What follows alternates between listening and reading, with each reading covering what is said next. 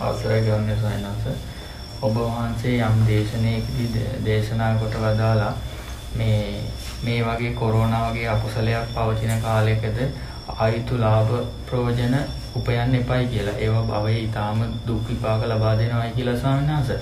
දැන් ස්වාමීන් වහන්සේ මේ දවස්වල මේ ගුරුවරු වැඩ වර්ධනයක් කරනවා ස්වාමීන් වහන්සේ. ස්වාමීන් වහන්සේ ගුරුවරුන්ටත් එහෙ අකුසලයක් තියෙනවා ස්වාමීන් වහන්සේ මේ වගේ අවස්ථාවක වැඩ වර්ධනයක් කරන එක ස්වාමීන් වහන්සේ.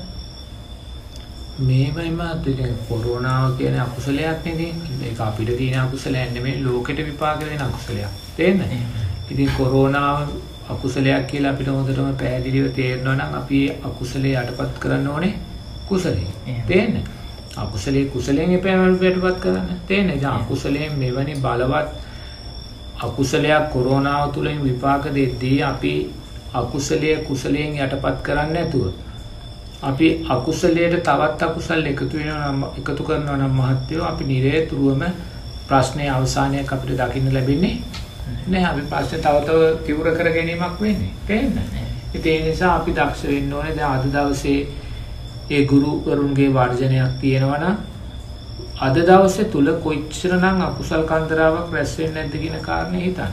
තේරෙන්නේ? දැන් අද දවසේ Tamanගේ ඉල්ලීම් නොලැබීම නිසා ලෝභ දේශ මොහයන් නැති කරගත්ත ගුරුවරුන්ගේ සංඛ්‍යාව ලක්ෂ ගාණක් වෙනවා. තේරෙන්නේ? අද දවසේ ලක්ෂ ගාණක් ගුරුවරු තමන්ගේ ඉල්ලීම් නොලැබුණ නිසා ඒ හේතුවෙන් ඇති කරගත්තා වූ ලෝභ දේශ මොහයන්ගෙන් ජීවිතයට අකුසල් එකතු කරනවා. ඒ වගේම තමන්ට ඉගෙනීම නැති නිසා සිසු දරුවන් ලක්ෂ ගාණක් අද දවසේ ලෝභ දේශ මොහයන් තුලින් අකුසල් රැස් කරගන්නවා.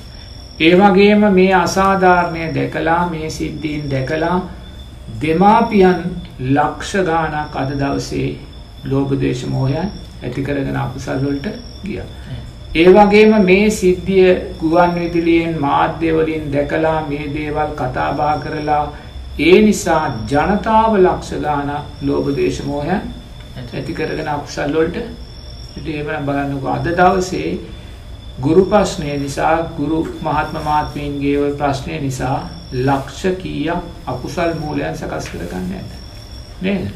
අද එක දරුවෙක් උදේ ඉඳන් හවස් වෙනකන් මේ සිද්ධිය නිසා ගැටෙන සිත් ඇති කරගත්තනම් විවේචනාත්මක සිත් ඇති කරගත්තනම් ඔහු ඒක දරුවා කොච්චරනම් අකුසල් සිද්ධ කරගන්න ඒ නිසා මාත්‍ය මේ කොරෝනාවක් විපාක දෙන වෙලාවේ අපි මේසා බලවත් අකුසල් මෙවැනි ප්‍රශ්නාරා ජීවිතවලට එකතු කර ගන්නවා නම් මහත්තයෝ ඒ කියන්නේ අපිට මේ මේවේ අවසානය දකින්න හම්බ වෙන්නේ නැහැ. තේන්න. ඉතින් ඒකට තමයි බුදුරජාණන් වහන්සේ දේශනා කරන්නේ මාත්‍ය කල්යාණ මිත්‍ර ආශ්‍රය සද්ධර්ම ශ්‍රවණේ නුවණින් මෙනෙහි කිරීමේ තියෙනා වටිනාකම. තේන්න. ඉතින් ඒක පුතේ හැමෝටම කරන්න බෑනේ නේද? කල්යාණ මිත්‍ර ආශ්‍රය සද්ධර්ම ශ්‍රවණේ නුවණින් මෙනෙහි කරන්න නම් දිරේතුරුවම ඔහු මේ පංච නීවරණයන්ගෙන් සියුම් කරගත්ත කෙනෙක් බවට පත් වෙනවා නේ? ඉතින් බුදු අවිද්‍යාවේ තීව්‍රභාවයේ ඉන්න කෙනෙකුට කවදාක්වත් මේ දේවල් කල්යාණ මිත්‍රාශ්‍රයේ සද්ධර්ම ශ්‍රවණේ නුවණින් මෙනෙහි කිරීමක් කියලා දෙයක් දකින්න බෑ. තේන්න. ඉතින් අවිද්‍යාව සකස් වෙන්නේ කුමක් නිසාද? පංච නීවරණ නිසා. තේන්න. ඉතින් පංච නීවරණ නිසා අවිද්‍යාව පෝෂණය වෙනවා. අවිද්‍යාව නිසා නැවත නැවත පංච නීවරණ පෝෂණය පෝෂණය වෙනවා. තේන්න. ඉතින් අවිද්‍යාව තුල නිසා තව තව පංච නීවරණ පෝෂණය කරගනිද්දි මාත්‍යෝ කවදාක්වත් අපිට මේ මේ ප්‍රශ්න වලින් මිදීමේ නිවැරදි මාර්ගය ඒ කියන්නේ නිවැරදි මාර්ගයක් තියෙනවා ඕනෑම ප්‍රශ්නයකින් මිදෙන නිවැරදි මාර්ගයක් තියෙනවා ඒ මොකද්ද නිවැරදි මාර්ගය? ආරෂ්ඨාංගික? ඕනෑම ලෞකික ප්‍රශ්නයක ලෞකික වශයෙන් සැප ලැබෙන්නත් ලෝකෝත්තර වශයෙන් සැප ලැබෙන මාර්ගය ආරෂ්ඨාංගික නමුත් ආරෂ්ඨාංගික මාර්ගයට වැටෙන්න විදියක් නැහැ නේ අපේ අවිද්‍යාව නිසා තව තව අපි මොනවද කරගන්නේ? පංච නීවරණ. ඉතින් ඒ නිසා මේ කාරණා මේ විදියට ඔඩු දුවලා එක දවසකට මේසා ලක්ෂ ගාණක් මේ වගේ අකුසල් කඳු තම තමන්ගේ ජීවිතවලට එකතු කරගන්න මාත්‍යෝ මේ කල්යාණ මිත්‍රාශ්‍රයේ සද්ධර්ම ශ්‍රවණේ නුවණින් මෙනෙහි කිරීමේ තුන දුර්වලභාවයන් නිසා. තේන්න. ඉතින් ඒක ඉතින් මේ ඒවා හේතුඵල ධර්මයන් සමාජයේම අකුසල් නිසාම සකස් වෙන දේවල්. මොකද මේ සම්මා දිට්ඨිය දුර්වල ඒ වගේම මේ කර්මය කර්මඵල විශ්වාසය දුර්වල ඔය දේශපාලන සංවිධාන දේශපාලන කණ්ඩායම් වල ක්‍රියාත්මක භාවයන් නිසා මහත්තයෝ මේ අහිංසක ජනතාවත් අහිංසක දරුවනුත් දෙමාපියනුත් ජනතාවත් බලවත් ආකාරයෙන් අකුසල් සිදුකර ගැනීමේ දිසාවන්ට ගමන් කරන්න පුළුවන්. තේන්න ඉති මොකද ඒකට මුල වුණේ කල්්‍යයාන මිත්‍රාශ්‍රය සද්ධර්මස්වනය නුවනින් මෙනේ කිරීම. දුර්වල නිසා ඒගොල්ලෝ ලෞකික සැපයට අදාළ සැබෑ මාර්ගය මතු කරගන්න අදක්ෂයි තේන්න ඉති ඒ නිසා අපි අපි දකින්න ඕනේ සන්බේ සමාජය දිය බලාද අපිට පේනවා අප අපේ දවසකට මෙවැනි ප්‍රශ්න නිසා අහිංසක මනුස්්‍යයෝ අහිංසක දරුවන් ඒ වගේම මේ ප්‍රශ්යට මැදි වෙලා තියෙන ගුරු මාත්ම මාත්මී නැති කරගන්නා වූ අකුසල්ලොල බලවත් භාව තේන්න එනිසා ඉතින් අපි ගැන ගත්තෙත් ගුරුවරුන්ගේ නේද? ද අපි අකුරු ශාස්ත්‍රය කිව අපි මේ කතා කරන්න ශක්තිය ලබල දුන්න අපිට මේ දෙවල් කියල දුන්නේ ගුරුනේ එනිසා ඉතිං අපි දක්ෂ වෙන්න ඕනේ. අපිවත් මේ තැනට ගෙනාවේ අපිවත් සමාජය තුළ ඔසවල තෙබ්බේ ගුරුවරු. එනිසා ගුරුවරු පූර්වාදර්ශී නොවී මේ වගේ බලවත් අකුසල් කරා සමාජය අරගෙන යන දිසාවට ගුරුවරු මඟ පෙන්න්නනවා නම් ඉතින් කාගෙන් අපි පූර්ව ආදර්ශයක් බලාපොරොත්තු වෙන්න නේ. අපිට වෙන පූර්වාදර්ශයන් බලාපොරොත්තු වෙන කෙනෙක් නැහැ. තේන්න එනිසා නිරේතුරුවම අපිට බොහොම කෙටිකාලය ජීවත් වෙන ලැබිලා තියෙන්නේ. ගුරුවරයෙක් කියන දැන් අවුරුදු විසිපා පැන්න කෙනෙක්.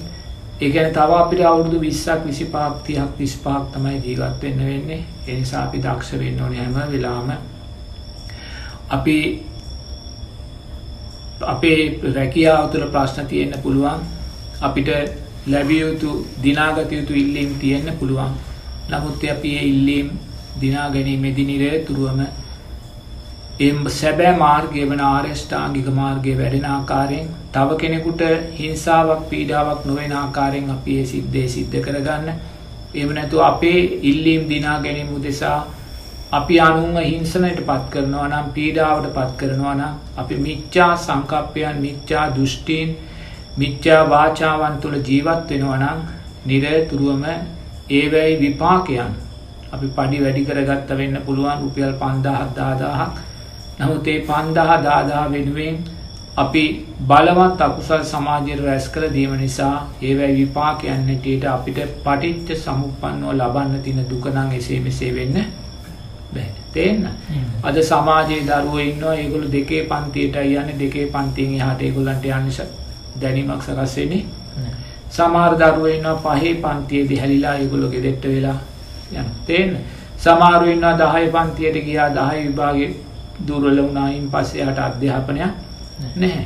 ඉති එවැනි අයි නූගත් දරුවන් හැටියට නූගත් තරුණයින් හැටියට සමාජය අපිට පේනවා දුර්වල රැකියාවන් කරගෙන දුර්වල වෘතීන් කරගෙන බලවත් මේ ආර්ථික ප්‍රශ්න තුළ ජීවත්වෙන. තේන් සමාර දරුවන්න ඒගොල මන්ද බුද්ධික ඒගොලන්ට අකුණු ශාස්ත්‍රයක් කියලා කිසිම දෙයක් ඒගොලන්ට දැනෙන්නේ තේරෙන්නේ නැහැ තේන්න.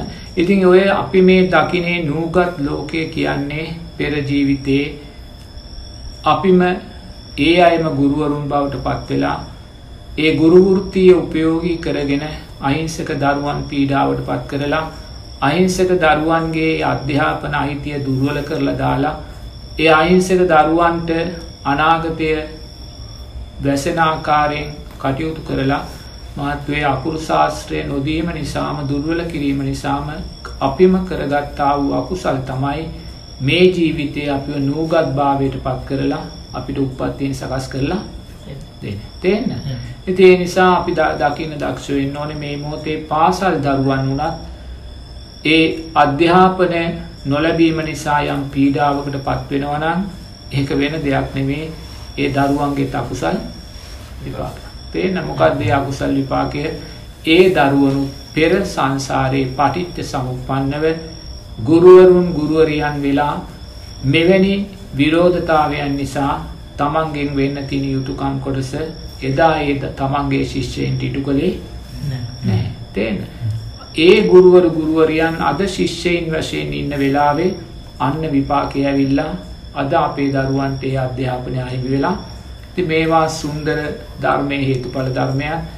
ගුරු අරගලය තුළ මේ මොහොතේ පා මේ අධ්‍යාපනය ලබා ගන්න බැරුව ලක්ෂ ගානක් දරුවන් දුක් විඳිනේ අරගලය තුල මේවාට මැදිවත් වෙලා ලක්ෂ ගානක් දෙමාපියන් දුක් විඳින මේ ප්‍රශ්නය තුල අපි ඒ දකින්න මහත්වය සුන්දර හේතුඵල ධර්මයක්. කොතනකවත් ඒක වැරද්දක් නැහැ. තේන්න. ඒ නිසා මේ මොහොතේ අහිංසක දරුවන්ගේ අධ්‍යාපනය අර වගේ වැටුපක් උදෙසා සම්පූර්ණයෙන්ම දුර්වල කරලා දාලා තියෙනවා නම් ඒ අහිංසක දරුවන්ගේ බලාපොරොත්තු විනාශ කරලා දාලා තියෙනවා නම් ඒ දරුවන්ට අප්‍රමාණ අකුසල් කඳු රැස් කරගන්න අවස්ථාව දීලා තියෙනවා නම් දෙමාපියන්ට දරුවන්ට වගේ මේ වර්ජනයන්ට ඉදිරිපත් වෙලා තියෙනේ අහිංසක ගුරු මහත්ම මහත්මීනුත් බලවත් අකුසල් කරා යන්න යොමු වෙනවා නම් මහත්වෝ ඉතින් අපි තේරුම් ගන්න ඕනේ ඒවා මෙහෙවන ඒ සම්මාදිට්ඨිය දුර්වල කර්මය කර්මඵල විශ්වාසයන් දුර්වල ඒ නායකින් මාත්‍යයෝ පටිච්ච සමුප්පන්න සංසාරයේ මන්ද බුද්ධික භාවයට ලබල තමයි උපත්තියෙන් සකස් කර අල්මත අයන්න අයන්නවත් කියන්න ලැබෙන්නේ. ඇයි අයන්න අයන්න ඉගෙන ගන්න තියෙන දරුවන් ලක්ෂ ගානකට ඒ අයිතිය අහිමි කරලා තියෙනවා. තේන්න අයිරි කරලා තියෙනවා. ඉති ඒවැයි විපාකයන් තමයි ඒ අය නැවත පටිච්ච සමුපන්නව මනුස්සෙක් වෙලා ඉපදුන අනිවාර්යම මහත්තයෝ එයාට අකුරු ශාස්ත්‍රය කියන දේ ජීවිතයට පිහිටන්නේ නැහැ. තේන්න? ඉති ඕවා සුන්දර හේතුඵල ධර්මය තේන්න? එනිසා ඉතින් මේ සියලු හේතුඵල ධර්මයන් අපි නොදකින්නේ. අපි මේවා සතුටෙන් පිළි අරගෙන තව තව දුරටත් ක්‍රියාත්මක කරන්න මාත්‍යයෝ අපේ සම්මාධිට්ටිය සෑ සම්මා සංකප්පයන්ගේ දුර්වල භාවයන් ඉතින් මේ දුර්වල භාවයන් සකස් වනේ වෙන හේතුවක් නිසාන මේ කල්්‍යාන මිත්‍රාශ්‍රය සද්ධර්ම සවනය නුවනින් මෙනී කිරීමේ තියෙන්න්න වූ දුර්වල භාවයන් ඉතිේ දුර්වල භාවයන් අපිට සකස් කළ දුන්න වෙන කිසිීම දෙයක් නෙමේ කාමච්චන්ද කාමයන් කෙරේ කැමැත්ත ඇස පිනවන්න කණ පිනවන්න නාසය පිනවන්න දිව මනස ශරීරය පිනවන්න තියෙන කැමැත්ත තියෙන ව්‍යාපාදය දේශය වෛරය පලිගැනීම තියෙන්න ඉති ඔය වගේ ධර්මතාවයන් නිසා මාත්‍යය අපි අවිද්‍යාවතාව ශක්තිමත් වෙලා මෙවැනි විපත්වලට ඉතින් අපියන් ඕක තමයි ලෝකය කියන්නේ. තියෙන මේ මේ ජීවිතයේ ගුරුවරයා ඊළඟ ජීවිතයේ අන්ත නූගතෙක් වෙලා ඉපදෙන තේන්න ඊළඟ ජීවිතය අන්ත නූගත්ව උපදින මනුස්්‍යයා මාත්‍යයෝ ඉහිළඟ ජීවිතය ආයිමත් මොකක් හෝ කරගත්තාව කුසල් ධර්මයක් තුළින් ගුණ ගුරුවරේ බවට පත්වවෙන්න පුළු තෝක තමයි පටිත් සම්පන්න ලෝකය. තේන්න ආටිස් නම් ලෝක ඉතින් ඔතනති අපි නිරය තුරුවම දක්ෂ වෙන්න ඕනේ. මේ කෙටි ජීවිත කාලයයි අපිට තියෙන තවා උද්දු විස්සක් තිහක් හතලියක් අපි විශ්‍රාමයන්න වැඩ සමාට අවුදු දායක් පාලුවක් වෙන්න තියෙන පුළුවන්. නමුත් එවැනි කෙටි ජීවිත කාලයක් තුළ කල්ප ගානක් විපාක දෙන අකුසල් කරානුවයන් අපි දක්ෂ වෙන්න ඕනේ. මාසෙට රුපියල් දාදාක් වැටුප වැඩි කරගන්න පන්දහක් වැටුප වැඩි කරගන්න ගිහිල්ලා අපි ඒ නිසා මහත්තයෝ කල්ප ගානක් දුකට වැටෙනවනම් ඒක හරිම අවසන ඒකාරිම අවස්නාව තේන ති මේවත් මේවා මෙනෙහි කරලා නුවනින් දකින්න නම් ඔය කල්්‍යයාන මිත්‍රාශ්‍රය සද්ධර්මස වනය නුවනින් මෙනෙහි කිරීම යතියෙන් ඕනි. ති ඒවා දුරල වෙච්ච තැන මාත්‍යයෝ ඉතින් ඒවා දිහ ධර්මය උපේක්ෂාවෙන් දකින තමයි තියන්නේ නේද? මටත් පේනවානි සමාජය අම්මල ඇවිල්ල කියනවා අපිට දවෝ මේ දවසර උදේට දාන බෙදන්න උගත් දරුවෙනවා ඇයි දරුවන්ට අධ්‍යාපනය. පෞගේ කාල දරුවේ කෙන්නෙම නෑ උදේට දාන බෙදන්න. ඒගොල්ලු අර මේ රූපවා මේ මේ තමන්ගේ දුරකතන ඉස්රහටලා තමන් නමුත් දැන් ඒක නෑ මේ දවසල ගොඩාක් දරුවෙනවා දාන බෙදන්න. තේන්න ඉති අපිට පේනවා ඉතින් සමාජය තුළ මේ සිදුවෙන සිදුවීම නේ. ඉති ඒ සිදුවීම දෙස අපිට තියෙන්නේ ධර්මය උපේක්ෂාවෙන් බලාගෙනට වෙන අපිට කරන්න දෙයක් නැහැ. කට්ටියක් අකුසල් කරනවා තව කට්ටියක් අකුසල් ප්‍රැස් කරගන්න තේන්න ලෝකය පටිට්ට සමුපන්නව ජාති ජරාව්‍යාදි මරණ සෝක පරිදේව දුක්ක දෝමනස්යන් ඔස්සේ කල්පසියක් කෝටි ප්‍රකෝටි ගානක් ඇතට ගමන්ක එච්චර ඇති ඕක තමයි ලෝකය කියන්නේ. කොතනකොත් වරදක් තේ නිසා අපි දක්ෂ වෙන්න ඕනේ. මේකට අපි අකමැතිනම් මේවා දකින්න මේවා අහන්න මේවා විඳින්න අපි අකමැතිනම් අපි දක්ෂ වෙන්න ඕන මේකෙන් එතර වෙලා යන්න. තේන්න? ඉතින් මේක අල්ලගෙන හිටියොත් අපිට අනාගතයේ දකින්න ලැබෙන මේ වගේ දෙමෙන් දේවල් නෙමේ. මීටත් වඩා විකෘති වූ ලෝකයක් අපිට දකින්න ලැබෙනවා. තේරෙනවද? එදාට ආයිමත් මේ පාසල් කියලා දෙයක් අනාගතේ තියෙන විදියක් මිනිස්යාගේ පරමාශ අවුරුදු 10කට බහිනකොට දරුවා අවුරුදු 5ේදී ගැබ් අරගෙන අවුරුදු 5ේදී ළමයි හදලා අවුරුදු 7-8 වෙනකොට ආච්චිලා සීයලා වෙන කාලෙදී ලෝකේ පාසල් තියෙන විදිය නැහැ. තේරෙනවද? එහෙම කාලයකට එනවනේ අනාගතේ එනවා අවුරුදු 4 වෙනකොට දරුවා කසාද බැඳලා. එහෙනම් දරුවා කසාද බැඳලා අවුරුදු 5ේදී දරුවා හම්බ වෙනවා නම් ආයිමත් ඒගොල්ලන්ට ඉස්කෝලයක් යනවා කියන අධ්‍යාපනයක් නැති ලෝකයක් අනාගතේ එහෙනම් එවැනි ලෝකයක් බිහි වෙනවා කියලා අපිට කිව්වේ කවුද? ලෞතුරා බුදුරජාණන් වහන්සේ. එහෙනම් එවැනි ලෝකයක් බිහි වෙනවා නම් බුදුරජාණන් වහන්සේ එවැනි ධර්මයක් කියලා කියනවා නම් ඒක බොරුවක් වෙන්නේ ඒක පරම සත්‍යයක්. එහෙනම් ඒ පරම සත්‍ය කරා යන ගමන තමයි අපි වර්තමානයේ දකින්නේ. තේරෙන්නේ? වර්තමානයේ සත්‍ය අපි දකින්නේ.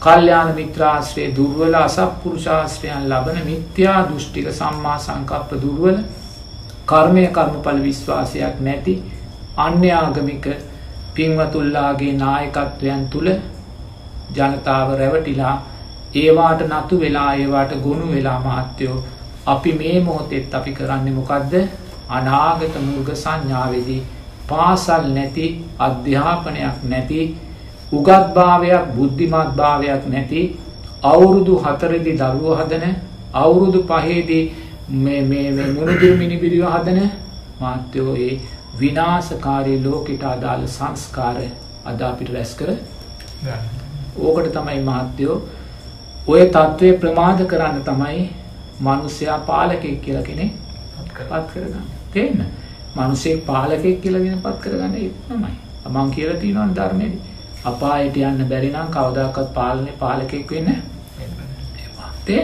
තියන්න එනිසා අපායට යන්න බැරිනි බය නිසයි මං පාලකේ උන මං පැවිද්දෙක් වුණේ එක තියන්න එනිසා පාලකෙක් වුණානම් ඔහු අපායට යන්න බයවෙන්න ඕනේ. බයවෙනවානම් කරුණ කළ ගෙදර යන්න ඇති තියන්න මොකද එක මනුස්සෙක් නිසා මනුස්්‍යයෝ දෙන්නෙක් නිසා මනුස්්‍යය තුන් දෙනෙක් නිසා ලක්ෂ ගානක් අකුසල් කරගන්න තැනකට සමාජය වැටිලා තේන්න ඉති ඒ නිසා ඒකටම පාලකෙන් පත් කරන්න. තේන්න හොඳ. ඉති ඒ නිසා මහත්තයෝ මේ මේ හැම දෙයක්ම සුන්දර හේතු කළ ධර්මයන් තේරන්න එනිසා මේ සියල්ලම සකස්වෙන්නේ අපායට යන්න බය පාලකයන් රටවල් පාලනය කිරීම එච්ච